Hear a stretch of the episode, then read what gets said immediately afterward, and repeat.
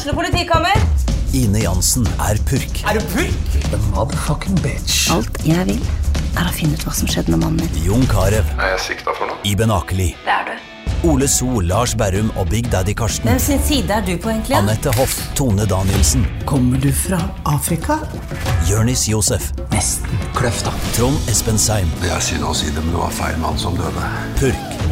Premiere tirsdag på TV2 Play.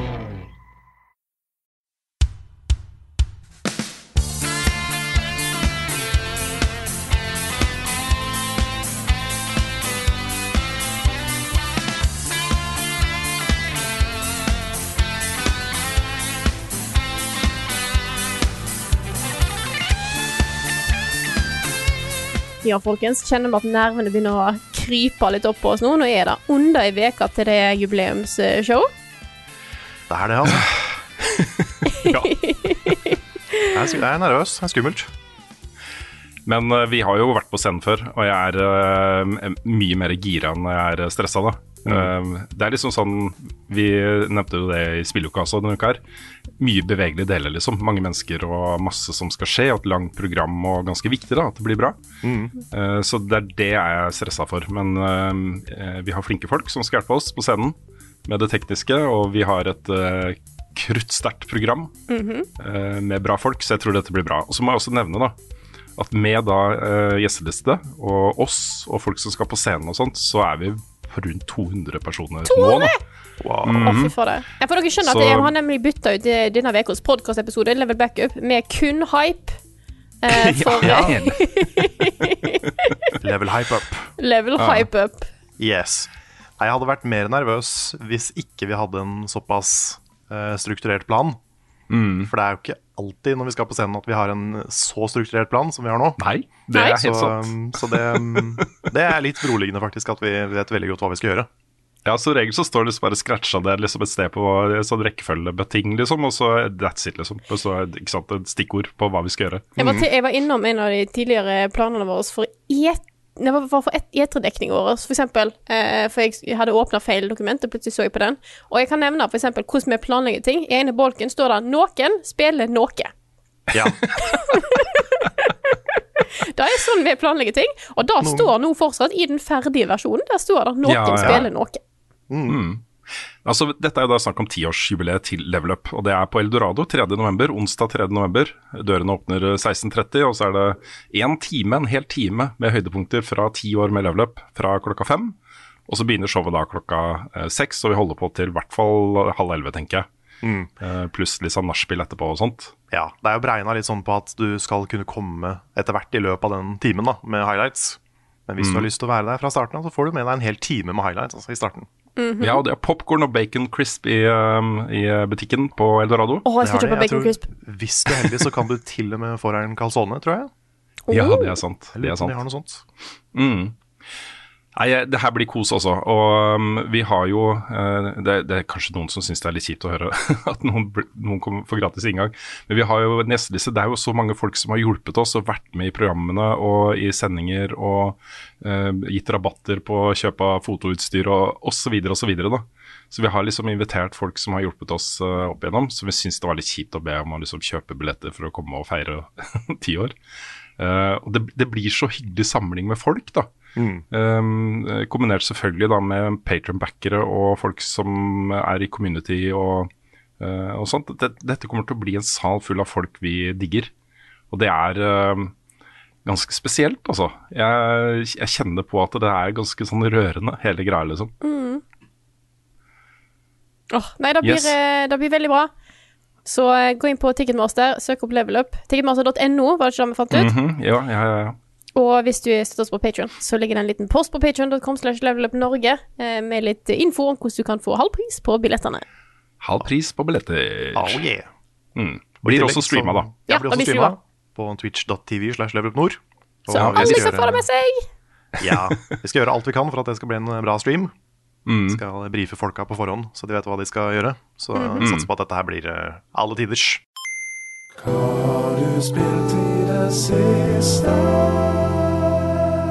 er vi flere som har testa litt nye spill, men jeg tenkte jeg skulle begynne med et norsk spill. Eh, jeg kan nok si at jeg ble eh, Jeg klarte å få den såkalte forkjølelsen som går for tida. Eh, fikk jeg på søndag. Jeg har ligget litt sånn strak siden da. Eh, og da Da, når jeg blir sjuk, så spiller jeg ikke spill. Jeg bare ligger flat ut og bare ser på TV. Eh, men jeg har klart å få inn litt eh, Både litt editing. Jeg har jo fått, fått ut en anmeldelse av Metroid Dread. Den var endelig ute på kanalen. Ja, veldig bra. Kult å se den tieren også, Frida. Ja, det var, Årets første tier fra Level Up. Ah. Ja da, og så var det, det er alltid litt sånn skummelt, fordi at det en, en gir så sjelden en tier. Bare sånn, ok, Hva er egentlig kravet for en tier igjen? Hvordan var dette her? Og så blir en litt sånn usikker. Er det har, har jeg lov? Har jeg lov til å gi en ti? Og så gjorde jeg det. Men er, det den, er det den andre tieren du har gitt, eller har du gitt flere enn Celeste en Eh, tier? dette er den femte tieren jeg Men gir. såpass, ja. Mm. Jeg, nå hørtes det litt sånn eh, at jeg ble litt sånn sjokka, det gjorde jeg ikke, men det hadde det bare Nei, det har, blitt, det har jo blitt en del. Det er, første var jo Celeste. Mhm. Og så var det Gris. Ja. Celeste, Gris, Ori, Selvfølgelig. Hades sammen med Carl, og noe med Ja, selvfølgelig. Ja, ja, ja. Stemmer. Eh, Ti ti av ti spill, alt det der, så det er greit. Ja. Det var, det var, det var godkjent. Godkjent ti av ti. Ja, ja, ja. ja, ja. Nei, og så har jeg òg drevet og putla litt med noe, noe innslag til, eh, til jubileet, så det er bare å glede seg til. Men jeg har fått inn en liten time med nye Klang 2. Nice. Dette er jo eh, norske rytmespillene fra Tinimations. Det er vel én fyr, er det ikke? Stemmer det? Mm. Stemmer det? Tom Ivar? Og jeg spilte jo det første. Eh, det var jo rytmespill som òg var litt sånn eh, Du skulle bevege deg rundt og komme deg gjennom en verden, og litt puzzles som var knytta til rytme. Men nå er det på en måte kun Så langt jeg har kommet, i hvert fall, så er det kun rytmebiten. Ja, du er mer sånn statisk på plass liksom et sted, ikke så mye rundt omkring. Eh, og så skal en da, i takt med musikken, da, slå til ting som dukker opp rundt deg. Eh, så du må ofte styre stikkene i rett retning, og så trykke på, trykke på X. Eh, av og til så er måte skal du skyte i retningen den er, eh, og så har du noen som skal du skal ha stikkord i retningen som ei pil viser, og av og til så skal du ikke bare trykke på X, du skal holde inne X. Ja. Og eh, det som jeg syns er på en måte utfordringa med sånne spill, er at når ting blir vanskeligere, så blir det mer og mer på skjermen, og mer og mer blir Det kan lett bli litt kaotisk. Eh, men jeg syns eh, her funker det veldig bra. Det er led Du liksom Det kommer en strek, da, fra den rytmebiten du er på, til neste. Sånn at du, du kan liksom følge blikk Følge den streken med blikket for å se hvor du skal, da. Eh, Og havne litt i den derre send-momentet der du liksom Du nesten bare ser på hele skjermen samtidig, og bare reagerer. Ja, skjønner. Mm. Så jeg syns eh, Så langt syns jeg det funker veldig bra. Musikken er jo helt eh, knall. Ingenting å eh, utsette på det. Eh, jeg merker da at noen har angrep på å sende karakteren din vekk. Eh, det er liksom en slags dodge da i den retningen for å eh, slippe under angrep i takt med musikken, blir det jo. Og da, da at jeg ikke nødvendigvis styrer karakteren sjøl med ei stikker, gjør at jeg mister litt kontroll på hvor karakteren er. Så når jeg da skal skyte ting ut ifra hvor den karakteren er, så er jeg ikke helt inne i det systemet ennå.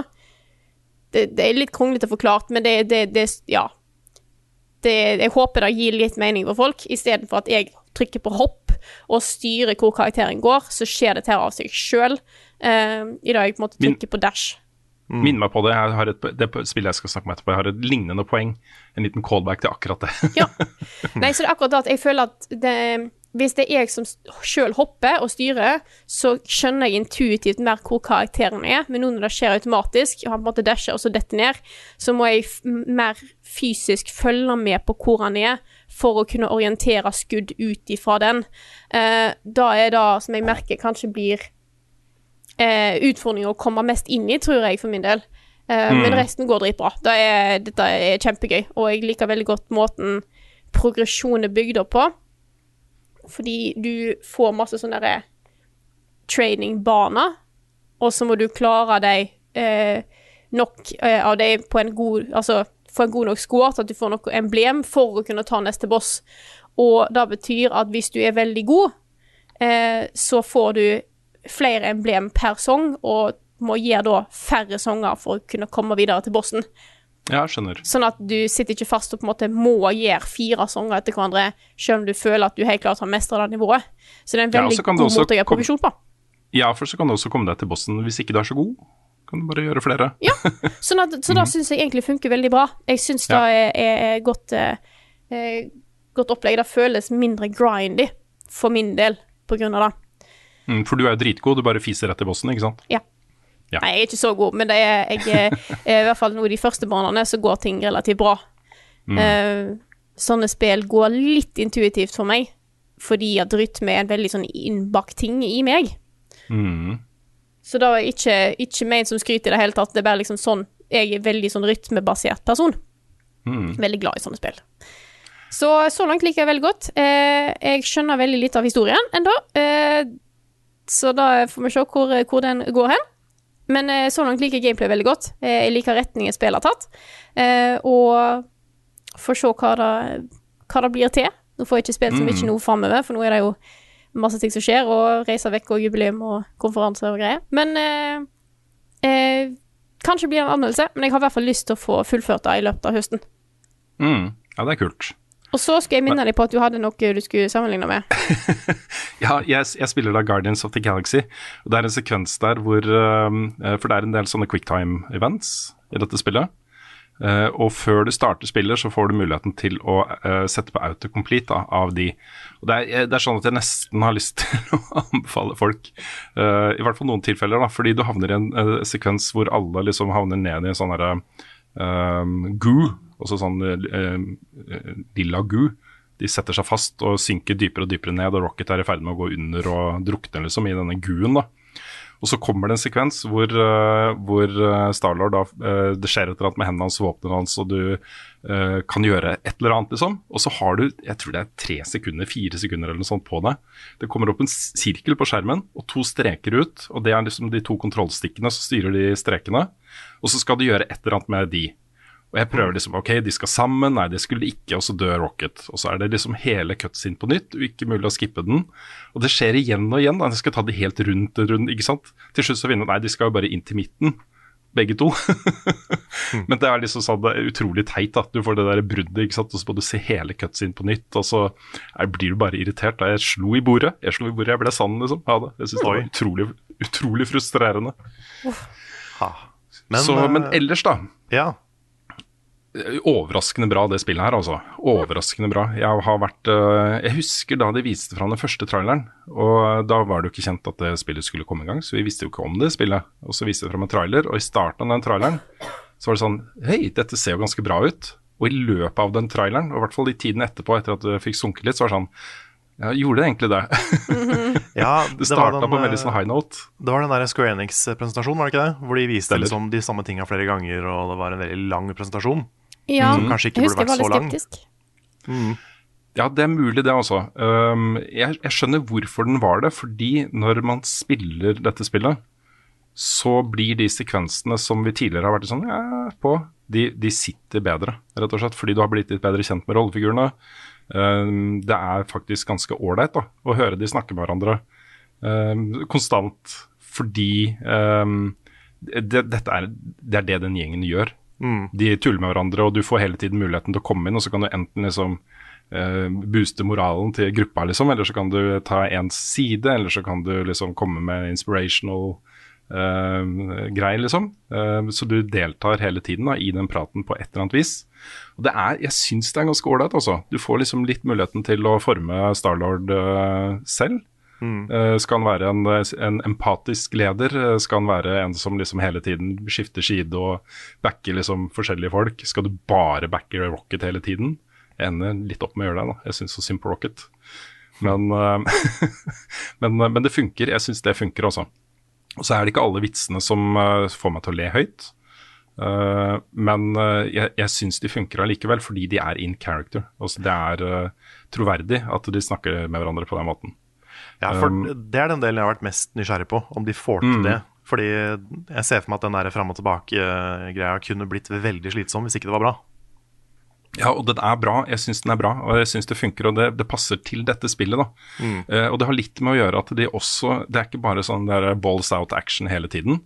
Uh, du har f.eks. sekvenser da, hvor du er inne på romskipet, Hvor du kan gå rundt og interacte med ting og snakke med folk. Du kan snakke med alle sammen og ha lange samtaler. Lange samtaler hvor de bare står og snakker om fortiden sin. og uh, Rocket forteller om eksperimentene han var utsatt for og um, osv. Det er liksom 20 minutter da, hvor du bare går rundt og snakker med folk. Uh, og setter på jukeboksen. Take On Me er på jukeboksen. det er veldig kult. Um, og, og, da blir det en litt annen ting. Også det er uh, sterke sterke elementer av Uncharted i dette spillet her. Som handler om liksom karakterutvikling og dialog og interaksjon med andre. Og uh, at ting får liksom lov til å utvikle seg litt over tid. Så, så jeg syns det funker kjempebra. Uh, og så må jeg også si at de har vært utrolig flinke til å lage sin versjon av Guardians of the Galaxy. Uh, frigjøre seg fra filmene. Uh, bruke liksom tegneseriene da, som, som, inspirasjon til å fortelle sin egen historie med sine egne rollefigurer. Du kjenner det jo igjen, da, det er jo ikke noe tvil om at disse rollefigurene er de samme rollefigurene. de har den samme type personlighet, liksom, men det er nyanser her som åpenbart kommer av at dette har de jobba med. altså. Her har de jobba skikkelig med karakterene. Hmm. Og så er det gøy å spille, rett og slett. Det er givende, tilfredsstillende, god action med morsomme kamper som ofte blir litt mer sånn management-ting. For du kan jo liksom sende de fire andre ut til å gjøre forskjellige spesialangrep hele tiden, som da må recharges før de kan brukes på nytt. Uh, og i kamper så blir liksom din rolle blir å være litt sånn på utsiden og se ok, her er det mye action, og liksom send Drax dit med sitt spesialangrep. Der borte er det veldig mange, så hvis vi sender liksom uh, Groot til å uh, stoppe alle de midlertidig, liksom, så kan vi fokusere. ikke sant? Så du blir liksom manager da, for en, en fight. Og så har det et veldig kult sånn rally-ting. Når du har bygd opp nok liksom, i den meteren der, så kan du rally, og da kommer liksom alle huddle opp, ikke sant. Og så har du, har du, en sånn inspirational speech, og så kommer det kul musikk, og så er det bare bananas. Alle har spesialangrep hele tiden og sånt. Så jeg, jeg, er litt fan, rett og slett. Altså, jeg syns dette her er kjempegøy. Um, det er jo bare bra, da. Ja. ja. det er kjempebra. Nei, jeg, vet ikke, vet ikke, om det er sånn helt der oppe ni av ti, ti av ti ennå. Det spørs. Men uh, det, dette kunne vært mye verre. Også. Det kunne vært et skikkelig ræva spill, og det er det ikke. Nei. Nei, det er kult å se at liksom, samtalen har snudd helt etter at spillet har kommet ut. Fordi mm. folk var veldig skeptiske uh, ja. veldig lenge. Sånn helt fram til release, egentlig, så har det vært litt sånn der, Ja, dette her ser ikke helt uh, riktig ut, liksom. Virker ikke som de er helt i mål, at de bomma litt på det og det og det. Mm. Og så kommer det ut, og så Nei.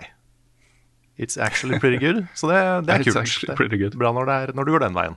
Mm. mm. Og så er det veldig store sånn miljøskifter her, og det setter jeg pris på også. Det er litt sånn Ratchet and Clank. Uh, uh, type ting, eller Star Wars, hvor du er liksom Du gjør masse kult på en planet som ser veldig stilig ut.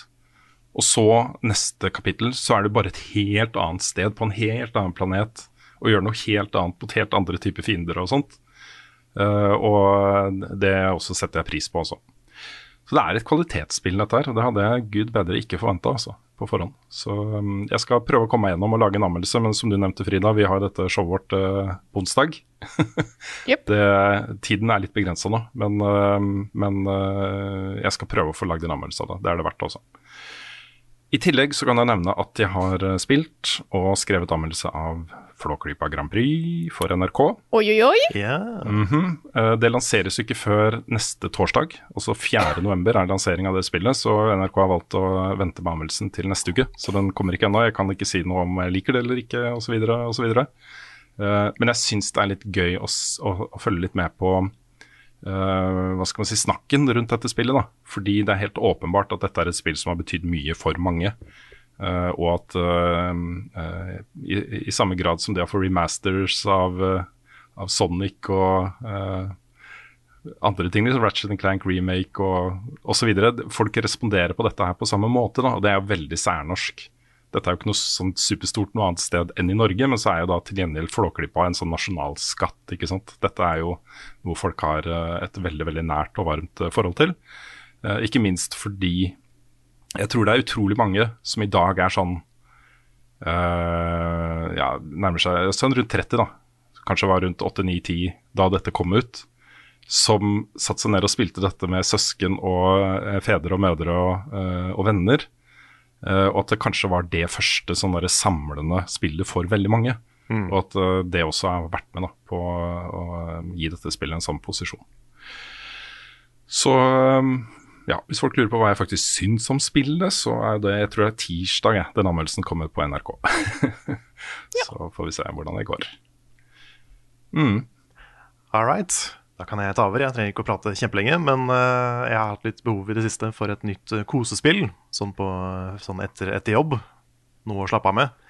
Og jeg har jo uh, snakka litt om randomizers tidligere i podkasten.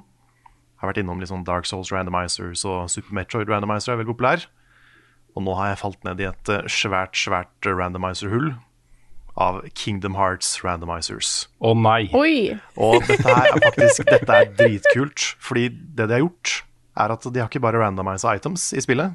De har strukturert om hele spillet til å bli et slags Metroidvania. Oi! Så det er jo et helt annet spill, ja. rett og slett. Det første som skjer, er at du, du lander på en måte Dette er Kingdom Hearts 2, da, randomizeren, som er det mest populære. Hvor du, du starter i et rom hvor du kan gå inn i alle verdenene i hele spillet. Alt er åpent. Og det er ikke sånn de spillene funker, de er ganske lineære, liksom. Men eh, det åpner seg totalt. Og alle kister, alle level up eh, rewards, alt sånt er random. Og for å runde spillet, for å få lov å runde spillet, så må du ha tre spesifikke items. Så det blir på en måte en sånn svær game-wide scavenger hunt, da. Hvor du må finne da tre spesielle items. Og når du har de, så kan du gå og ta siste boss. Men da må du også være liksom sterk nok til å kunne ta siste boss. Så det blir liksom et sånt helt åpent, helt annet spill. Og eh, nå har jo Kingdom Hearts 2 også det beste kampsystemet i hele serien. Så det er et dritmorsomt spill å spille. Jeg blir ikke lei av det kampsystemet. Jeg syns det er et av de beste action RPG-kampsystemene ever, liksom. Så um, det er ordentlig gøy, altså. Det, Jeg husker vi snakka litt om dette her eh, da Kingdom Hearts kom på PC for første gang. Du Ja. var veldig spent på hva det ville bety da, for eh, mod community og, og sånne ting. Det er, det er sant. Og det har kommet noe kult. Uh, ikke fullt så mye kult ennå som jeg skulle ønske. Men Er Thomas Toget i Kingdom Hearts på PC? vet, jeg veit ikke. Det er mye rart i Kingdom Hearts 3, så kan hende de har fått inn Thomas-toget. Ja. Men uh, litt usikker, altså. Men uh, dette her er faktisk en mod som eh, stammer fra før PC-versjonen kom. Okay. Hvor folk har da emulert PS2-versjonen og modda den. OK. Så dette er en This goes way back. Og jeg ser folk driver og speedrunner randomizeren. Og jeg tror kanskje den har vært på GDQ, jeg er litt usikker. Men den begynner å bli ganske populær. Så jeg syns det er kult å, å gjøre liksom en mod på den måten. At du tar et spill som er eh, ganske sånn høyt elska, sett på som, av veldig mange da, som det beste i serien, og tweaker det og gjør det til en helt annen sjanger, nesten. Mm. Så det er, det er veldig stilig. Så eh, folk som er glad i Kingdom Hearts, folk som er glad i randomizers, ta en titt på den. Altså. Den er litt kronglete å sette opp, men uh, så fort du får det til å funke, så er det overraskende gøy, faktisk. Denne er jo kjempebra. Ukens anbefaling. I dag skal jeg komme med en anbefaling som er veldig lite karakteristisk meg, og som jeg kanskje heller kunne trodd at kunne komme fra Rune og Karl. Jeg skal nemlig anbefale en YouTuber som driver med Souls-videoer. Oi, oi, oi. oi. Du verden. Og det, det, jeg vet dette er sært, men dette er rett og slett Det kan jo være Jeg er usikker, kanskje han er anbefalt før. Har ikke peiling. Dette er Iron Pineapple. Har noen dere hørt om han? Nei. Nei, jeg, har- jeg har sett på ganske mange av dem, men jeg har ikke sett på han. Nei, han tar nemlig eh, Mesteparten av det han gjør, er at han spiller eh, eh, Souls-like spill som ingen har hørt om. Han går gjennom eh, Steam og spiller mye Souls-like spill, eh, og ser på de på en måte på en Han har en veldig god måte å hente ut ofte hva som er bra i spill, uten å bare være sånn dette her er faktisk litt dritt. For mye av det han spiller, er litt dritt. Men det han òg gjør, og det syns jeg er det kuleste, er at han ser på de tidligere FromSoft-spillene. Og da ja. snakker jeg ikke om Demon Souls, jeg snakker om Kingsfield Ja, og. Shadow Tower og Ninja Blade, litt sånne ting. Og han ser rett og slett på dem, og ser på hvor eh, hva ting i de spillene som, som FromSoft har tatt med seg videre inn i de større spillene. Og det syns jeg er litt interessant. Ja, det er selvfølgelig interessant. Mhm, for noen av spillene er ganske er litt sære, og jeg tror jeg er skikkelig clunky å spille. Men, men de har en del trekk ved seg, så du kan se 'Å ja, der kom det fra', og litt sånne ting. Så, så hvis du er litt interessert i å se hva som kom før Demon Souls og alt det der, så sjekk ut eh, Iron Pineapple. Eh, jeg likte veldig godt den siste videoen han hadde nå, om, det var om eh, Shadow Tower, som er det rareste Soul-spillet, som han kaller det. Der har du eh, guns. Ja. Du begynner med sverd, og så får du, får du guns og, og granatkastere og sånne ting. Så det er, det er en eh, spenstig blanding. Ikke guns sånn som, i, ikke sånn som du har i Bloodborne, men faktisk straight up militærvåpen. Jeg tenkte en eh, AK i, eh, i Jarnheim, Karl. Ja, det er, eh, derfor trenger vi Bloodborne på PC, si. ja. Nei, men ta, ta og Sjekk ut Iron Pineapple. Eh, anbefales. Han er veldig, veldig flink fyr. Eh, Hvis du er interessert i å se liksom røttene da til Fromsoft. Mm. Ja, det er kult. Jeg, jeg må komme med bare en sånn bitte, bitte liten tilleggsanbefaling. Uh, rett og slett fordi nå har jo eh, sesong tre av Succession begynt å gå. Ja, jeg har ikke begynt å se noe nå. Nei, en ny episode hver mandag. Uh, og det var et herlig gjensyn, altså. Og det var ekstra stas da, at allerede liksom før episode to så kom annonsementen om at serien er, eh, er fornya for sesong fire. Så det er det bare å glede seg. Det er eh, for en herlig gjeng også. Dette er uh, eh, bra TV.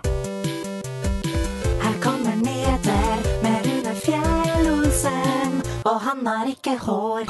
Ja, vi får vel nesten begynne med Sonys eh, State of Play, da, selv om vi eh, jo også har en hel episode av eh, Spilluka dedikert til den pressekonferansen. um, de viste jo fram da tredjepartsspill til PlayStation på eh, ja, natt, natt til torsdag, kan vi nesten si, da, selv om Ja. det begynte klokka 11 på kvelden. Vi hadde jo håp om å se liksom Kanskje noe Bloodborne, eh, PlayStation 5 eller noe Final Fantasy 16 og sånne type ting. Det var ikke så mye så, såpass svære ting. Ja.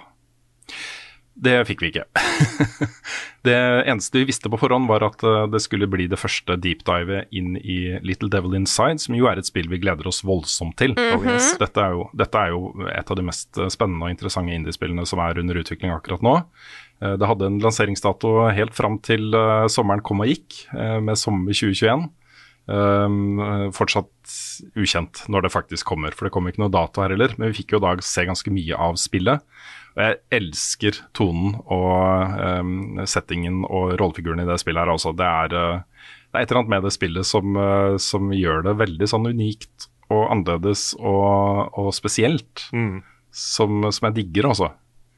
Så, um, og det var gøy å se at det ikke går bort når man får se litt lengre chunks da, av, uh, av spillet. Nei, det, det har en egen stemning. Jeg bare håper at gameplay er eh, gøy. For, da, for alt det andre er så bra, på en måte. Ja, ikke sant. Og konseptet her er jo at du styrer en uh, litt sånn hardbarka tøff, tøffing som blir sendt ut i verden for å løse forskjellige oppdrag for en uh, litt sånn eksentrisk uh, engelsk lord. Som uh, av uvisse grunn, da. Jeg vet ikke hvorfor, hvorfor de gjør det. men, uh, men det er jo uh, no, Det virker som om noen av de tingene er bare rare, mens andre kunne vært liksom et soulspill, da. Eller, eller litt sånn Monster Hunter. Eh, Monster Hunter, ikke sant? hvor du kommer inn et sted, det er et monster du skal slåss med, og de ligner ikke på hverandre i det hele tatt. Du, du så jo liksom eh, En av de kommer jo opp av et badebasseng eh, med tentakler og sånt. Um, Blanda da med masse humor. Så, så dette står uh, veldig høyt på min liste. Jeg, nå har jeg lyst til å se en dato, altså. For det, um, Ja. ja, det her vil jeg ha. Det er sikkert 2022, da, sammen med alt det andre.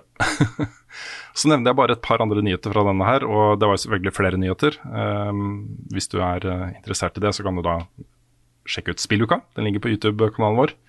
Uh, går vi gjennom alt som ble vist fram. Men de to andre tingene jeg har lyst til å nevne, er eh, Star Ocean The Divine Force. Et nytt Star Ocean-spill som er på vei til PlayStation. Det stemmer. Um, som um, uh, Det var vel tror jeg, tidlig, jeg tror det var våren 2022 eller noe sånt som sto på den. Jeg husker ikke helt. Den Ja, jeg tror det var noe sånt. Og dette er jo en Ja. eh, serie som har levd veldig lenge. Mm, Vært, vært, vært veldig mange Star Ocean-spill. Jeg syns de har vært litt sånn halvveis, de jeg har spilt. mm, Det har ikke vært eh, toppen av JRPGs for meg, men, eh, men de har alltid noe i seg som er liksom verdt å spille. da. ja. Og så kommer også Death's Door.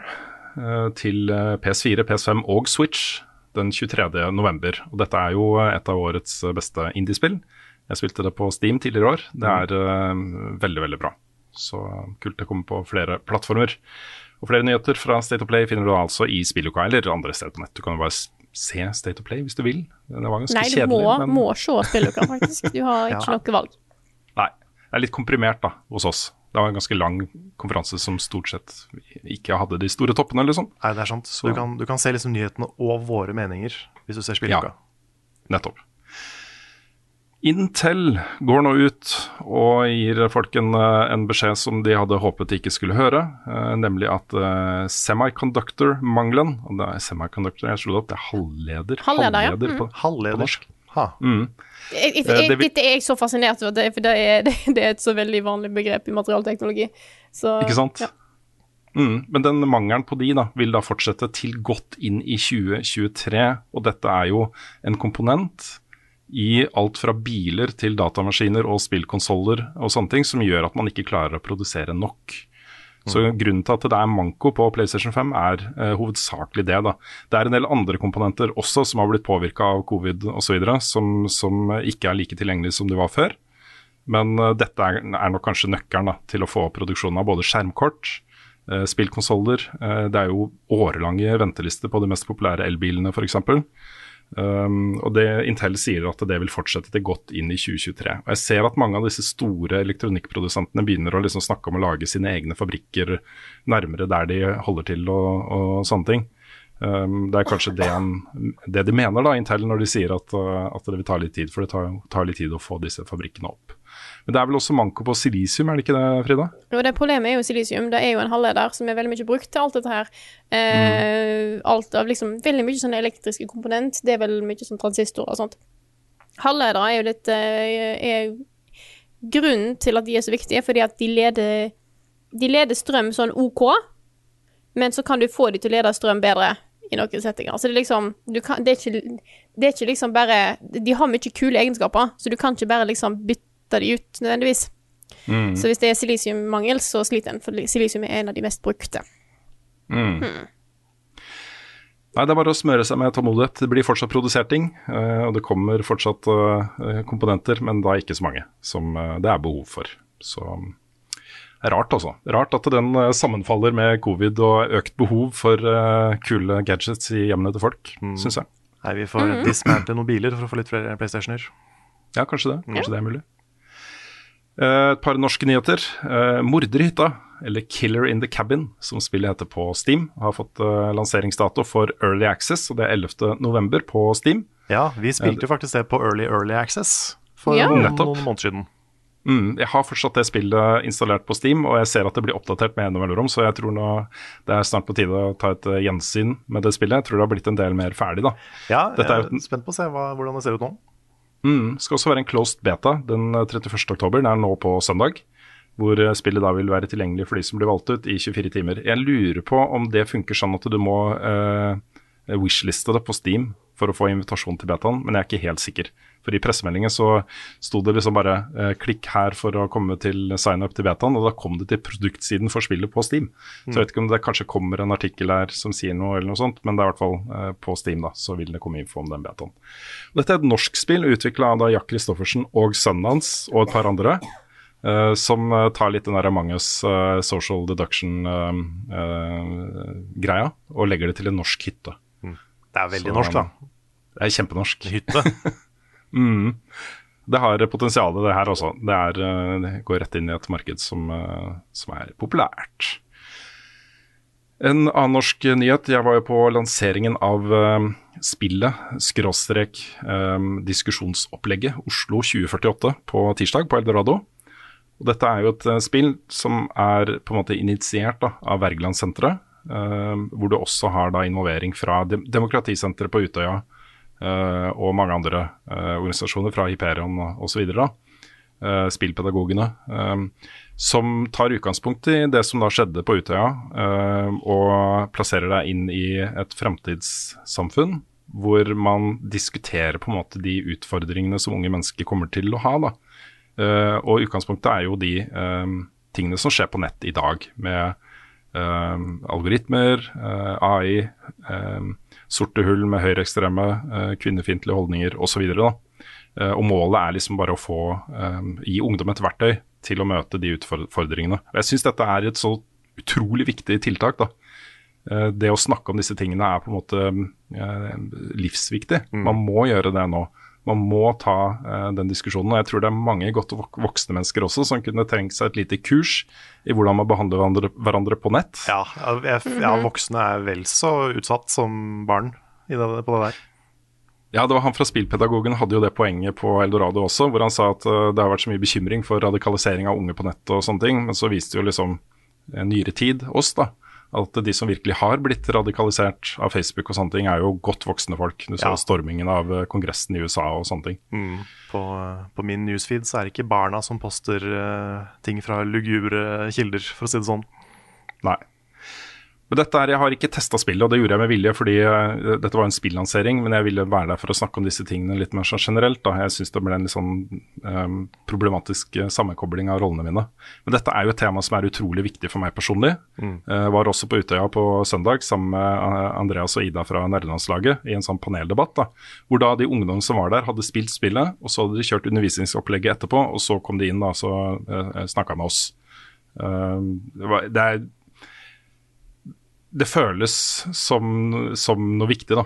Eh, det å være med på å eh, gjøre det man kan, og bidra inn i et uh, tema og et problemområde som, som jeg syns er sjukt viktig. Og ikke minst da, fordi jeg har jo to barn som er på full fart inn i liksom det sosiale internett og sånne ting. Dette er livsviktig også. Så, så følg med på dette her. Oslo 2048 heter spillet. jeg vet det nå kommer liksom uh, barnepedagoger og ungdomsklubber og lærere og skoleklasser og alt mulig rart blir nå liksom skyfla inn i dette eh, prosjektet her. Um, dra på Utøya, får være med på seminarer og sånne ting. Um, det er ting på gang her som jeg syns er bra også. Mm. Ja, det er kjempebra. Det er uh, mm. et veldig, veldig viktig initiativ. Jepp. Vi uh, har uh, sittet og liksom ristet litt på hodet og okka oss ganske mye siste uke etter, etter at uh, vi fikk se uh, kvaliteten på disse Nintendo 64-spillene på den nye Switch online-tjenesten. Ja. ja. Det er litt rart. Er det ikke yes, litt rart at det ser bedre ut på Wii og Wii U? Jo, det er rart. Og det De har fucka på en eller annen plass. Det er sikkert en eller annen sånn teit ting, håper jeg. Ja, altså det er en emulator som ikke er helt uh, up to speed, det her. Mm. Uh, så de har jo, jeg ser folk har uh, lagt ut sånne sammenlignings-screenshots fra Green of Time og Mario 64 og sånn. Mm. Og det er tydelig kvalitetsforskjell, liksom. Ja, virkelig tydelig også, fra bare et bilde. Ja. Og det, det burde jo ikke være så vanskelig å få et så gammelt spill til å se OK ut på en helt ny konsoll. Nei, I hvert fall ikke når de skal ta seg betalt for eh, den tjenesten. Folk må jo betale for å få tilgang til disse spillene. Nettopp. Mm -hmm. Og det her er jo også et sånt voksende irritasjonsmoment når det kommer til Nintendo. At vi kjøpte disse spillene på Wii, så måtte vi betale for å oppgradere de til Wii U. Og nå får vi ikke lov å ta dem med videre til Switch i det hele tatt, men nå må vi abonnere på de. Mm. Og nå er det mhm. mye færre spill. De kjører dårligere. Det er på en måte vanskelig å finne gode argumenter til å fortsette å støtte den modellen her, da. Jeg så input-legen var ganske bad. Ja. Det òg, liksom. Ja, på, da burde det ikke være et problem. Hvorfor er da et problem? Ør, ja. Nei, det her er nesten uforståelig, altså. At ja. Eh, de ikke satser mer ressurser på, på disse tingene. Fordi uh, dette, er, dette, er, arven deres, liksom. Dette er uh, deres historie. og Uh, viktig kulturhistorie for uh, utrolig mange mennesker. Mm. Så det her må du bare ta mer seriøst. Også. Jeg skjønner ikke greia. Nei, jeg, jeg, jeg, skal ikke gå ut nå og oppfordre til piratkopiering eller noe sånt, men, uh, men jeg må jo si da at pirater er flinkere enn Nintendo til å ta vare på Nintendo-spill, og det er bad. Ja, ja det, sånn skal det ikke være. Altså. Nei, Nintendo må rett og slett bare skjerpe seg. De har ja, spillmediets rikeste historie, liksom. Mm. Ta vare på det. Ja. Ja, nei, Jeg kjenner at jeg ble ganske irritert sjøl, også. Og særlig når man begynner å se liksom litt eh, lekkasje på hva som er på vei og sånne ting. Jeg får liksom en følelse av at de ikke har tenkt til å ta dette seriøst. Og så mm. Historien har vist oss at de kanskje ikke tar tak i disse tingene så fort som de bør. da. Mm. Um, Også, jeg håper liksom de gjør det nå. Og så er ideen om liksom en Netflix for retrospill er så kul. Jeg har så lyst, jeg, jeg hadde lett abonnert for alltid på det. Hvis det var et Mm. bra utvalg, og hvis jeg kunne beholde liksom spilla fra mange år tilbake, som jeg kjøpte for lenge siden, eller i hvert fall hadde tilgang til de. Mm. Men tjenesten er ikke bra nok, ass. Det er ikke det. Et par nyhetssaker som vi var innom også i spilluka, eh, men verdt å nevne her også. Returnal har fått en oppdatering som introduserer både fotomodus og en suspend cycle-funksjon. Altså at du kan sette spillet ditt på pause, skru av konsollen, dra ut eh, strømkontakten, eh, oppdatere spillet og eh, systemsoftware, og så starte der du lagret. da. Dette er jo noe som folk har etterspurt siden lansering, og jeg vet det er mange som ga seg med spillet fordi det ikke var der. Um, så er det sånne som meg, da, sånne gærninger som blir uh, for Stockholm-syndrom og uh, bare tenker at det er flott at ikke det var noe lagringspunkt der, fordi da betød jo hver cycle mer. Så det var mer på spill, ikke sant, og det heva opplevelsen for meg, da. Um, men jeg syns jo det er generelt uh, fint da, at uh, den funksjonen er der. Det jeg ikke har sett noe om, og som jeg hopper litt på, er at de har funnet en eller annen smart funksjon for å um, hindre save-scumming. Som jo er at du uh, skrur av automatisk opplasting av savefields til the cloud på PlayStation. Også hvis du fucker opp, så bare kvitter du spillet, laster ned den fine saven din fra skya liksom på konsollen din og starter der. Det, um, jeg klarer ikke å holde meg unna sånne ting, jeg, hvis, uh, hvis jeg Ja, ikke sant? Men er ikke det kronglete? Jeg, jeg har aldri giddet å gjøre det. Uansett, liksom. For det, du må liksom Du må inn, inn i så mange settings, og du må gå så inn for det, liksom. Hvilket spill var det jeg gjorde dette her i? Det var et spill som jeg brukte det ganske mye. Sikkert uh, Demon's Souls, tenker jeg, for å få trophies. Vet du hva, Det kan ha vært uh, på Trophy uh, Det var sikkert femte gang jeg runda det, eller noe sånt. da mm. For siste trophies. Det kan det ha vært. Det kan det ha vært, Det kan det ha vært. For jeg husker det var mange som prata om at de gjorde det da. Mm. Men, men jeg går ut fra at dette er, dette er jo ikke en save field, det er et, et suspend point som forsvinner Stemmer. så fort du loader det, ikke sant? Ja, det er, det er riktig. Det er, det er ikke et permanent lagringspunkt, nei. Men det må jo lagres informasjon et sted, da. Ja, jeg Så vet ikke. Men uh, jeg, jeg tror du bare må ha litt selvkontroll på det der, altså. Det, det er juks. ja, da burde de hatt et trophy for å ikke bruke den, tenker jeg da. Så det, da hadde jeg klart det. Da hadde jeg klart det. Men ok, det er, uh, det er fine oppdateringer begge deler, da. Det er det. er litt sånn Jeg, jeg, jeg spilte jo gjennom altså jeg, Mitt platinum kom jo ganske seint etter lansering, liksom. Da hadde det vært ute noen måneder allerede. Uh, og det er jo en sånn online challenge leaderboard-ting med daglige utfordringer, hvor du kan da få ether uh, og se hvordan du gjør det mot de andre. Og da jeg spilte det, så var det liksom 100 mennesker på de listene. Det var, ingen, det var nesten ingen, ikke sant. Og uh, jeg har jo en følelse av at den type nyheter som dette er, da kan få folk tilbake i spillet. Dette er et spill det er verdt å oppleve, også. Jeg vet uh, det er deler av redaksjonen som ikke er så fornøyd, men jeg, åh, som jeg elsker det spillet her, altså. Ja, altså, jeg tror vi er relativt enige alle sammen om at gameplay er amazing. Mm. Um, så er vi litt mer delte på historien, men uh, nei, det er et utrolig morsomt spill å spille. Litt på samme Mm. måte som Metroid. Det er sånn tight. Sånn skikkelig, Ja, skikkelig så tight, bra gameplay. Mm. Ja, nei, det er uh, Jeg vil gjerne at flere skal spille, så uh, vær så god. Øh, vi snakka også en del om den nye campaign-traileren til Halo Infinite i spilluka. Jeg skal ikke dra den så langt her, men jeg vil gjerne gjenta da at jeg syns det ser litt uh, det, uh, det, det ser for åpent ut. Det, det ser ut som de har lyst til å lage Far Cry, liksom. Um, at de ikke um, fokuserer så mye på den derre brusende følelsen av å være en supersoldat på en, en alien-installasjon langt ute i verdensrommet, og hva i pokker kan vi finne her, liksom? Av, eh, av alien artifacts og alien-installasjoner og, og, og sånne ting. Det kan hende at de tenker litt sånn at nei, funksjonen til disse ringene er allerede kjent, vi trenger ikke å gå dit igjen. Men eh, kanskje det er mulig å dra den litt videre, liksom, med forerunners og de som bygde disse ringene og sånne ting. Jeg, Nei, jeg, jeg syns det ligna litt for mye på en sånn sandbox battle simulator, eh, egentlig. Men tenker du litt sånn Du vil heller at det skal være litt mer Doom? Det kan godt være nærmere Doom, men jeg, jeg, jeg vil ha en tightere historie. Da. Jeg vil ikke ha den der massive friheten som det, de legger opp til her. Um, jeg fikk liksom uh, De viste jo i den traileren så viste de på en måte kartet. Her er kartet ditt, liksom. Alt dette kan du utforske. Og så var det liksom story points her og der og der og der og sånn. Eh, Og så kunne du ta det i hvilken rekkefølge du ville, og på hvilken måte du ville, og bruke liksom de våpnene og kjøretøyene og øh, flygreiene som du ville. Um, og eksperimentere da, med hvordan du skulle angripe den basen og den basen og sånne ting. Og det, det, Jeg fikk det akkurat den samme følelsen som jeg tok opp kartet i Far Cry øh, øh, 6. Uh, hvor man blir litt sånn OK. Så kan det hende at man har det kjempegøy, da. Det, det, altså, misforstå meg rett, det, det ser ut som et velfungerende spill, og at det er fett å spille og det er kule våpen og morsomt med sånn vertikal uh, tankegang på angrep og sånne ting. Uh, med særlig den grapp, nye grappling-hooken. da. Eh, når du har leveling av Master Chief, og du har liksom kan upgrade abilities og sånne ting jeg, jeg, jeg tror de er på vei over i feil sjanger for singleplayer-delen. da. Eh, I multiplayer så ser spillet kjempebra ut. Det tror jeg kan bli en megasuksess, også, rett og slett. Det er, fordi det er free to play og, um, og bra, liksom.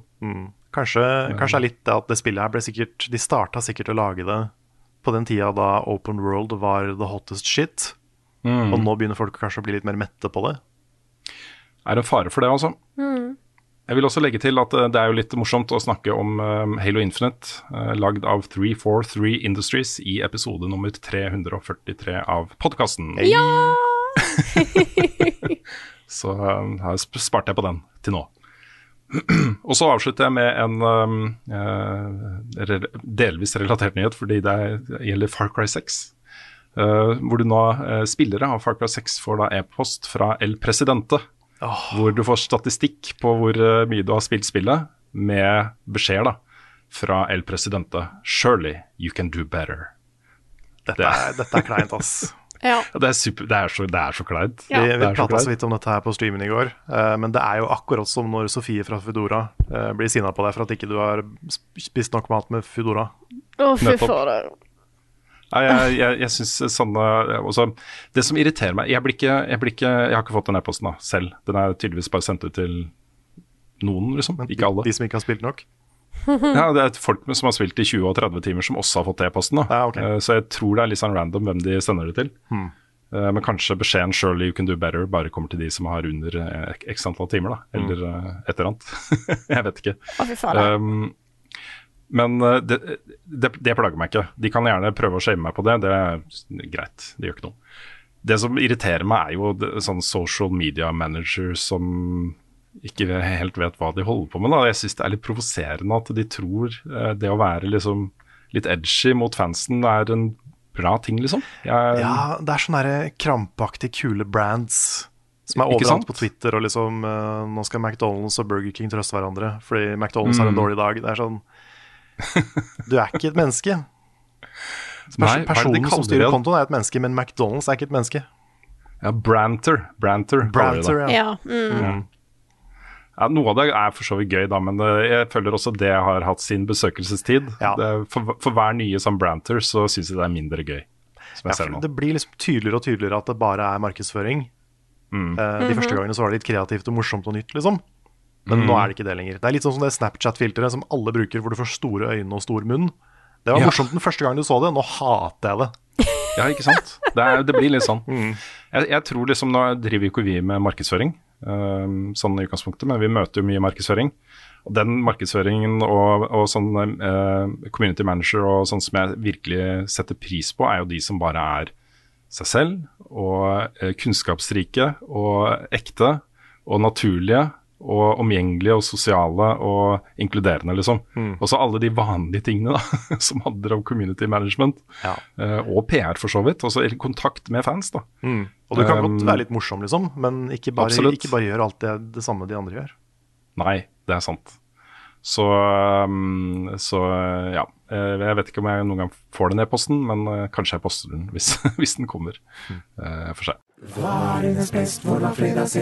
Carl egentlig sopp?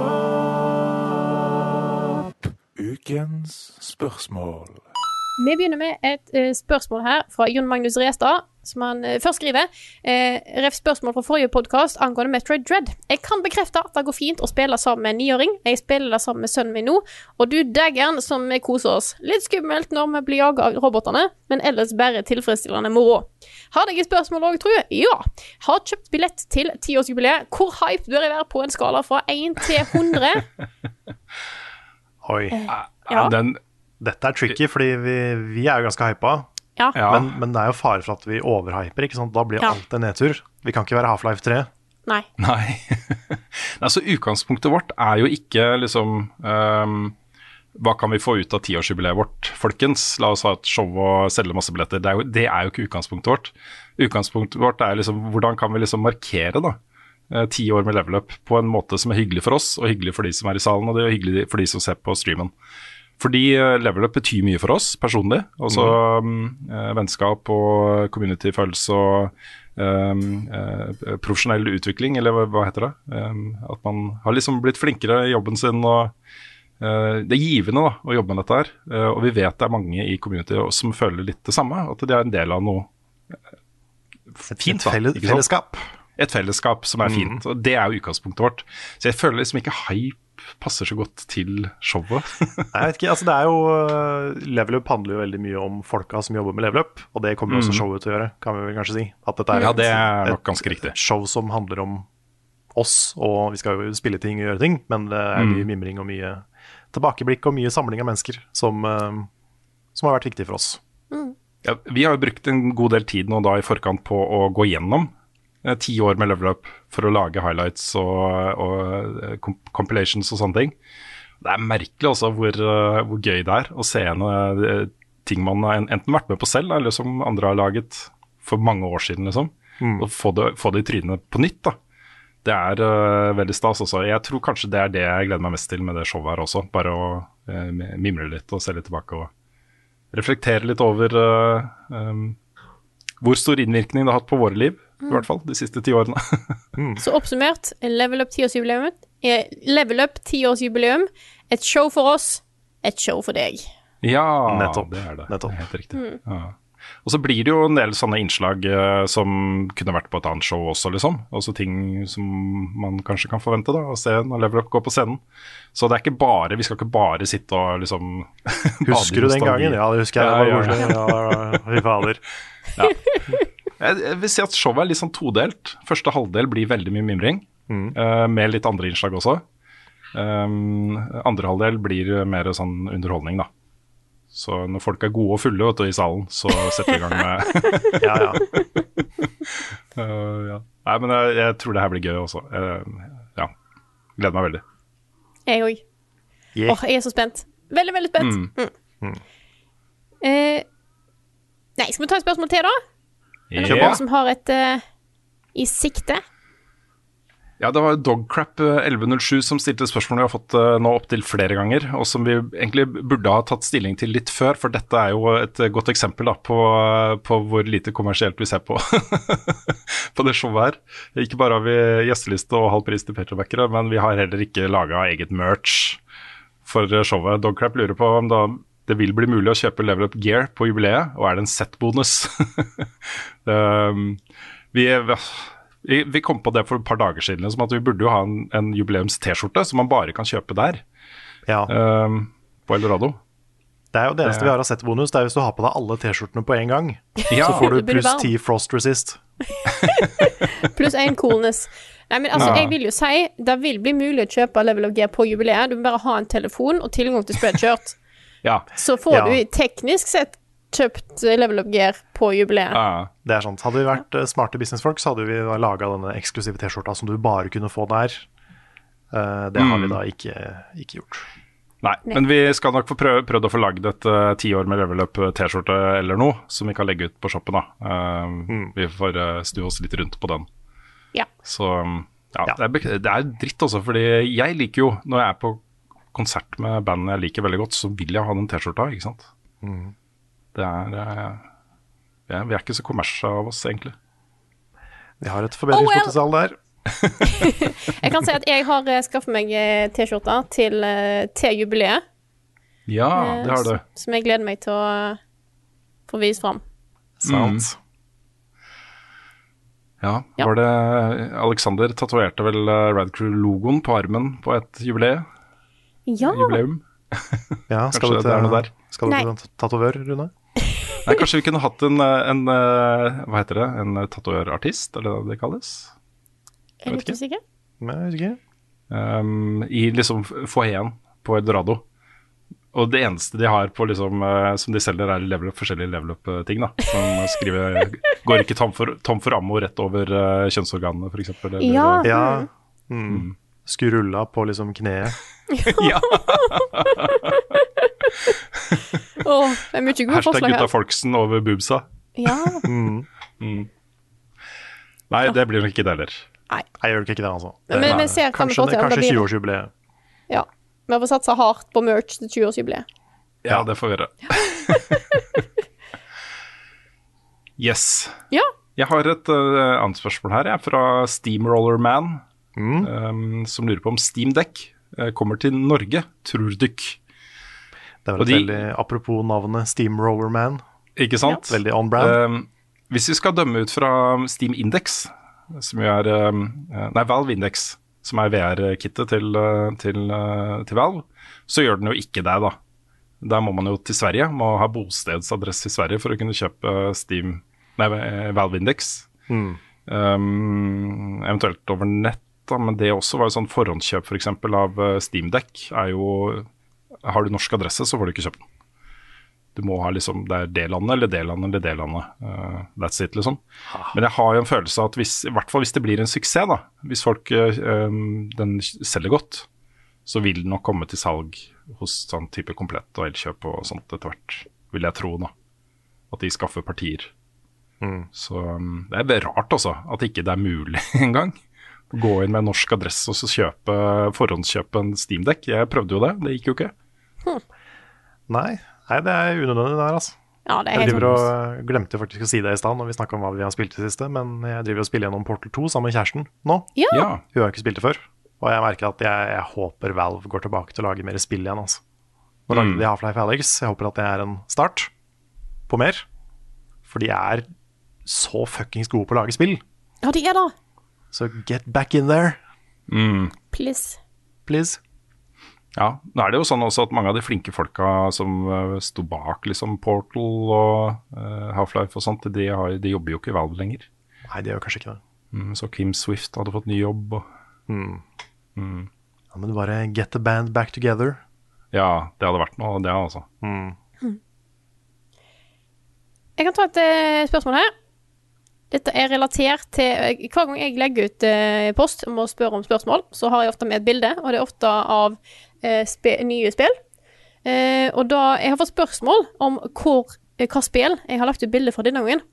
Og dette var Moonglow Bay, Ja. som er jo et sånt nytt eh, koselig fiskespill og litt div. Eh, som ser kjempekoselig ut, og som jeg hadde lyst til å teste før podkasten, men jeg rakk det ikke. Så- Nei, det er same. Jeg hadde også lyst til å teste det før podkasten. Ja. Men der er det jo, selvfølgelig, Martin Kvale. Ja. Han er på plass, det er han. Med lyd. Yes, laga lyder. Så Ja, det ser eh, veldig koselig ut, det spillet også. Det er litt eh, samme vibber som uh, Stardew Valley. Vi snakka også om dette i spilluka, men uh, det er liksom fokusert rundt kos. Uh, Ja, fin musikk og litt sånn Animal Crossing også, med fisking og Det er, det er veldig mye fisking, så vidt jeg har skjønt. mm. Så eh, det er sånn ultimat slappe av meditasjonsspill, virker det som. da. Så Mm. dette er, eh, det er på GamePass, så jeg skal laste det ned og teste det. Ja, Det har tatt utgangspunkt i liksom fiskelandsbyen av Moonglow Bay, hvor det bor, bor veldig få mennesker. og Alt er sentrert rundt fisking. Restauranten har fiskeretter, og man lever av å eh, fiske og selge og preparere og eh, selge båter. og altså Alt handler om det. da. Um, og Det er litt sånn mikrokosmos som, um, som uh, er veldig sånn tiltalende. Også veldig sånn, jeg tror det heter voksel også, den stilen. Ja. Grafiske Ja. stilen. Og der, der føler jeg liksom det er et potensial for Minecraft 2. Mm. Fordi det kunne sett sånn ut. Ja, disse fan-prosjektene som er inspirert av Minecraft, eh, bruker jo da gjerne uh, vokselstil for å liksom løfte Minecraft uh, på den måten. Ja, ja, For du trenger liksom ikke å gjøre blokkene mindre, du kan bare gjøre de finere. Mm. Jeg syns Minecraft Dungeons, det tror jeg ikke er voksel, men det er i hvert fall et sånt, eh, sånn bruk av shadere og sånt. Eh, løfter jo på en måte det visuelle uttrykket et hakk fra liksom Minecraft. Helt sant. True. Mm. Skal vi se, kan jeg ta et spørsmål der? Ja, Eller vil du Ok. Nei. Det er fra Morten Farstad. Han eh, skriver på Patreon Selda på Nintendo 64, begge spillene, spesielt Majora, er jo vesentlig mørkere i stil, stemning og spesielt fiender enn de nyere. Tror dere dette er endret for å treffe et yngre publikum, eller tror dere Miyamoto har sett for seg slik barnsligere stil hele veien, men blitt begrensa av grafikk? Tilleggsspørsmål, savner vi ikke litt mørkere Selda? Jo. Gleder meg til neste. for jeg har en teori på det her litt. Ja. Um, jeg tror det er to grunner til at vi husker uh, Ocarina og Majora, spesielt Ocarina, som mørkere enn det kanskje egentlig var. Det ene er at mange av oss var mye yngre, og at den, den store, uh, åpne Nintendo 64-verdenen var skumlere for oss da. Det andre er at grafikken er såpass uh, low poly at vi fyller inn det vi ikke ser, på en måte med noe skumlere enn det også kanskje er. Pluss at lyssettinga var ikke helt uh, på topp på den tida. Ja, for jeg kan jo skyte inn her, for jeg spilte jo um, Ocarina of Time for første gang i voksen alder, på 3DS. Ja, for den versjonen er ikke like mørk. Nei, Og den det er er også ikke Ja, ja okay, litt, av, litt av poenget mitt. ja. Fordi at det eneste jeg kan huske, er at jeg syns når jeg kom inn i Hyrule Castle-området, og disse her zombie-greiene, det likte jeg ikke. Det satt et stykke i meg sjøl som voksen. Mm. Um, Det er noen fiender i Ocarina som er skumle, og Ja. Majora. Det er de redeadene, øh, og det er en boss nedi, øh, nedi brønnen der. Den er også ganske ekkel. Ja. Um, men jeg syns Twilight Princess er mørkere enn de to. ja, sånn visuelt så er det det. Ja. Det er det mørkeste Zelda-spillet. Sånn tematisk så er Majora det mørkeste, men, uh, men Twilight Princess er det visuelt mørkeste. Nå har de jo sagt at nye Breath of the Wild skal være, skal være mørkere enn Majora's Mask. Ja, i hvert fall tematisk og sånn, Ja. visstnok. Så spennende. Jeg trenger ikke nødvendigvis den mørke visuelle stilen. Jeg syns de fargene i Breath of the Wild for eksempel, er veldig fine. Jeg syns den stilen er kjempefin. Um, men jeg er klar for et litt sånn dystert, eh, skummelt Selda, Zelda. Altså. Jeg, har liksom, jeg, jeg, tror at dette er bare- bare spekulasjon, selvfølgelig. Men Selda er jo en så utrolig viktig eh, serie for Nintendo. Og jeg tror det er mer intern uenighet om det neste Zelda-spillet eh, hos Nintendo enn det er med f.eks. Mario eller eh, eh, Mario Kart eller eh, Mario Party eller noen av de andre seriene deres. da. Fordi potensialet til Zelda-serien er så bredt. Du kan lage et mørkt Zelda, og det er fortsatt Zelda. Eller du kan lage en lysere, mer barnevennlig Zelda, det er fortsatt Zelda. Uh, så jeg tror de har ganske lange og tunge diskusjoner der, da. Hvor, eh, hvor eh, retningen til det neste Selda bestemmes, før man setter seg ned og lager det. Det er jo noen veldig kule konsepttegninger til Breath of the Wild som, er i, som går i vidt forskjellige retninger. Mm. Du har jo en eh, tegning av en modern day Link, Ja. blant annet. Og en Ja. tegning av noe aliens, og ufo-greier. Så det, det var mange ting de var innom da de jobba med Breath of the Wild. Ja, jeg, jeg syns jo fortsatt de ikke har henta ut hele potensialet i uh, Zelda. da. Også, man kunne liksom ha introdusert uh, time travel i mye større grad, f.eks. Man kunne ha lagt det til helt andre settinger. Man kunne ha uh, tatt mer risk da, med et, et, et såpass etablert konsept, uten at man mister uh, fokus på hva Zelda er. da. Men det er jo risky, det hadde vært spennende å se. Det er jo risky. Ja, det er kjemperisky, men allikevel, liksom. eh, Tjener de ikke nok penger, da? Kan de ikke ta en risk? De tok jo en veldig stor risk med Breath of the Wild. da. Ja, de gjorde det. Jeg gjorde det. Ja. ja, er Droppa dungeons. Det- dungeons. Tok jo hele, Det er en helt ny uh, Ja. opp, oppskrift på hva selv ja, er. det er jo for så Folk- vidt sant, det. da. Folk var stressa før Breath of the Wild. Ingen dungeons. Hvordan kommer dette til her til å gå? Blir det et ræva Zelda-spill? Helt åpen, du kan gå rett til Ganon med en gang. Mm. Hva skjer med historien, hva skjer med det og det og det? Ja. Jeg trekker tilbake uttalelsen. Det er eh, for så vidt sant, det også. Uh, også sånn, Majora's Mask er jo også det, liksom. Ja, Men um, ja. Det er, for, det er mulig å gjøre enda mer, da. Enda mer. Det det er det. det er mulig å eh, twiste den, eh, den serien ganske mye. Kanskje tenk om det kommer et spill da, som heter noe helt annet. Det er først etter å ha spilt i liksom 40 timer, så skjønner du at uh, figuren du styrer, er Link, liksom. Mm. Hvor kult hadde ikke det vært? Det hadde vært stilig. Det mm, kan også anbefale folk å sjekke ut den der Hyrule Historia-boka. Ja. Mest pga. alle, alle konsepttegningene som er i den. Mm. For der er det mye kult. Altså. Der, der ser du liksom prosessen med å designe en Zelda-figur, og alt det forskjellige de prøver på. Det er Mm. noen utrolig stilige Midnar og uh, Fi fra Skyward Sword. Mm. Der var det mange kule design de var innom. Tøft. Så det er verdt å ta en titt på hvis man har den boka. Mm. Da har jeg lyst til å ta opp ja. noe her som Ja. ikke er et spørsmål. Uh, Mm. Det er fra Hellum5. Han skriver dette er ikke et spørsmål, men heller en nyhetstips uh, til podkasten, Uh, eller noe sånt. Og jeg har bare lyst til å ta det opp for at det er så imponerende. Den britiske streameren The Happy Hob var i går den andre personen i verden til å fullføre God Run 2 bak Dobby Sama. Det vil si Soulsborne pluss Sekiro back to back uten å bli truffet av en eneste fiende. Wow. Eh, Hmm. Og det kan se ut fra, fra, fra videoen her, da, at det er eh, Sekiro, Bloodborne, Demon Souls, Dark Souls 1 og Dark Souls 3.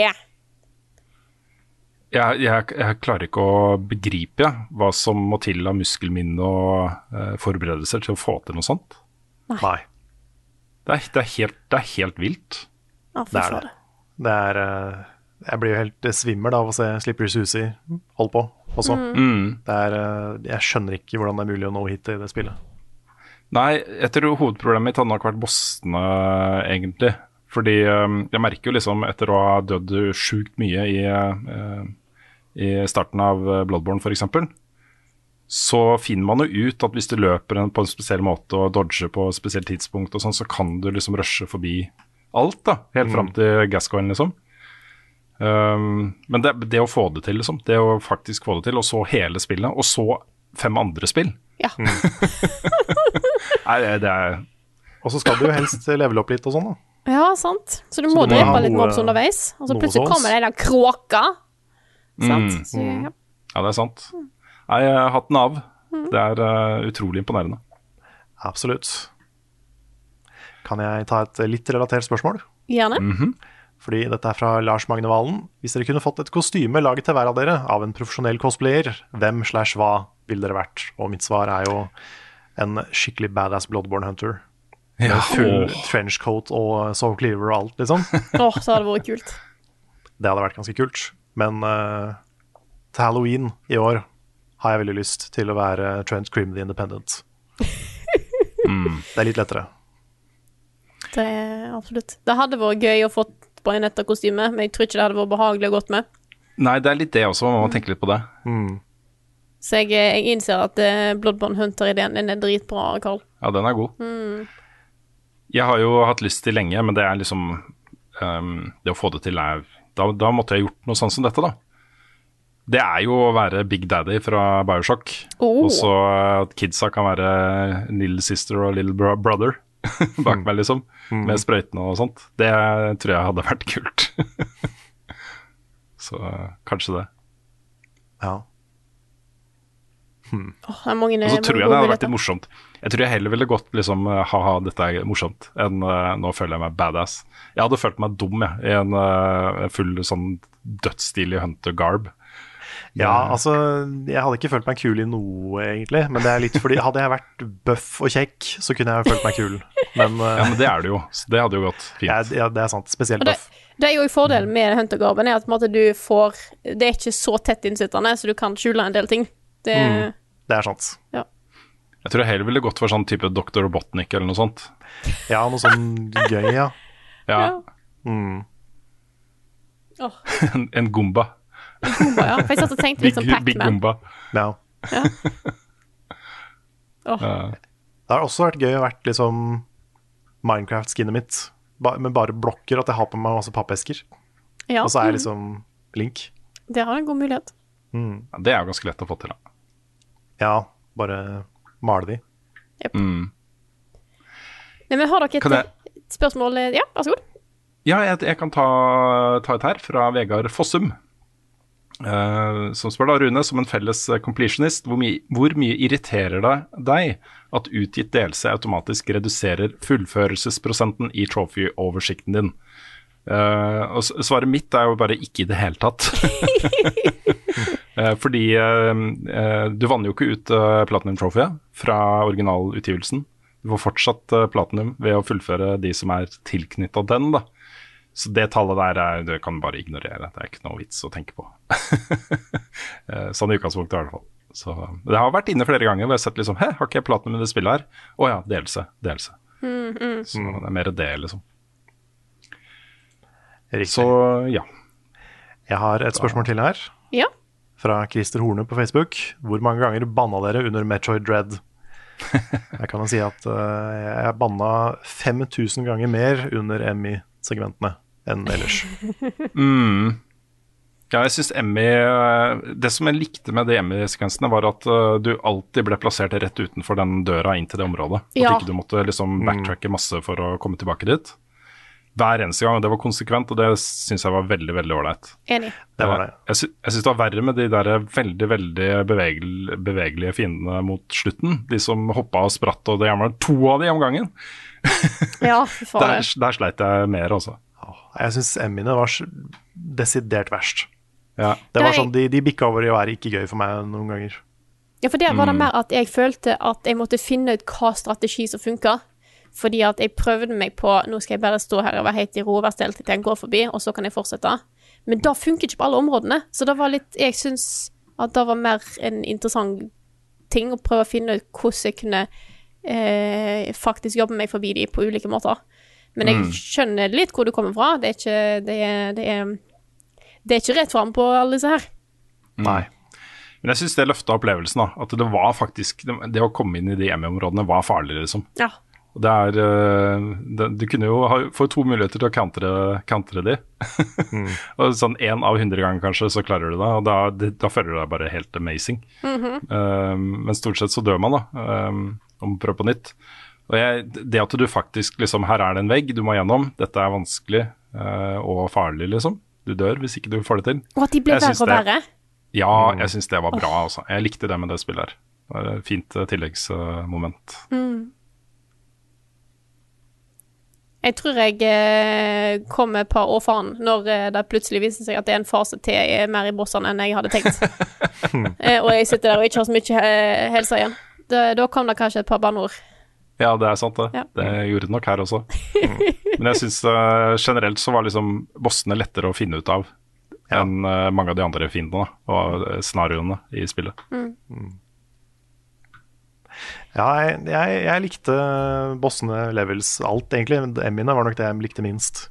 Jeg, sy- jeg sleit litt med stealth i det spillet her. Jeg syns ikke det funka så bra for meg. da. Nei, men taktikken da med de hjemmene er jo egentlig bare å eh, finne utgangen. Ja. Ja, ja. Og så Men, ikke, eh, ikke gjemme men deg, men bare ikke bare fordi noen av de kan fryse deg, og hvis du beveger deg, så plutselig så ser de deg, og hvis du gjemmer deg, så kanskje de går ja. inn i deg, og det er så mye som kan gå gærent, da. Ja, ja. Mm. Absolutt. Nei, også, eh, Grunnen til at jeg sier det på den måten, er at jeg ganske tidlig i spillet fant ut at vet du hva, jeg skal ikke prøve å stelte så mye, og sånt, jeg skal bare finne utgangen. Det var min taktikk. Og så døde jeg jo mange ganger, da, fordi jeg møtte, åpne, gikk gjennom en dør, og der sto du og Nemmy. Men, eh, men eh, etter hvert så, så gikk det jo, liksom. Og da får du muligheten til å ta de eh, ganske snart. Oh, men med det så tror jeg kanskje vi tar en runde av eh, for i dag, gjør vi ikke det? Yes. Jo. Det Dette Det er være. podkasten Level Backup, eller Level Hype Up, eh, ettersom Ja. Dere, Mm. med, med siste episoden der vi kan snakke om, eh, om, om hypen her nå, så jeg håper, håper dere holder ut. Eh, den er utgitt av moderne media. Låten i introen og outroen er komponert av Ol... Nå, nå sa jeg et eller annet. Ja, for komponert av For jeg, av og til så sier jeg Jeg må ta det jeg pleier å si. Låten i introen og outroen er skrevet av Ole Sønnik Larsen og arrangert og framført av Kyosho Orkestra. Av og til Yes, takk. Det er, sånn går det når jeg plutselig prøver å gjøre noe annet eh, enn jeg pleier. You got this. Eh, eh, Vignettene er lagd av, eh, av eh, Martin Herfjord. Eh, du finner mye mer innhold fra oss på youtube.com slash levelupnord og twitch.tv slash levelupnord. Og støtt oss gjerne på Patron. patreon.com slash levelupnorge. Eh, vi setter ekstremt stor pris på alle som støtter oss der. Vi kunne ikke gjort dette her uten dere. Vi hadde ikke blitt ti år uten Nei. dere. Vi hadde blitt sånn altså, jeg, fire. jeg har tenkt litt, tenkt litt på det jubileumsshowet vårt, fordi jeg har liksom lyst til å anerkjenne de som backer oss på Patreon. Det er jo De har jo vært med på altså, Hadde det ikke vært for de, så hadde vi ikke hatt det showet, ikke sant. Men det, det kan fort skape litt sånn klasseskille da, i salen hvis vi liksom ber alle som backer oss på Patreon å reise opp. Så jeg tenkte kanskje hvis, hvis vi har sånne vinker sånn litt, de får lov til å vinke litt sånn skjult. Ja, de kan kla klappe med den ene hånda. Ja. Klappe med ene hånda eller noe sånt. Ja. Eh, så slipper vi å lage sånn dårlig stemning da, i salen, og folk føler seg kjipe fordi de ikke backer oss på Patreon og sånt. For Ja. det er greit. Det, vi krever ikke at folk skal gjøre det, men det er jo veldig hyggelig, da. Dere, dere er jo producers, liksom. Det er det. Absolutt. Absolutt.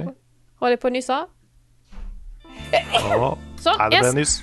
Eh, Prosit. takk. Eh, hvor var det vi var hen, da? Jo, vi har en eh, discord. Discord.gg slash levelupnorge. Eh, spreadshopen vår er levelupnorge.myspreadshop.no. Eh, så der kan du finne merch. Og så kanskje kommer det en ny merch-T-skjorte. Vi får se hva vi får til Ja. til jubileet. Maybe. Mhm. Eh, men uansett, dette var podkasten for denne uka her. Så tusen takk for at du hører på. Og så snakkes vi igjen neste uke.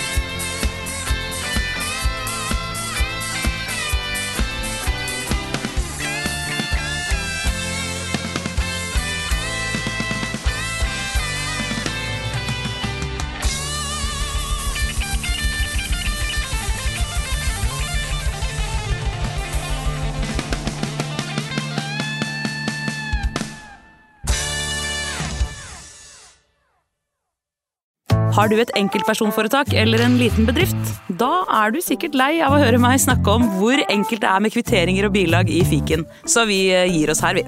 Fordi vi liker enkelt. Fiken superenkelt regnskap.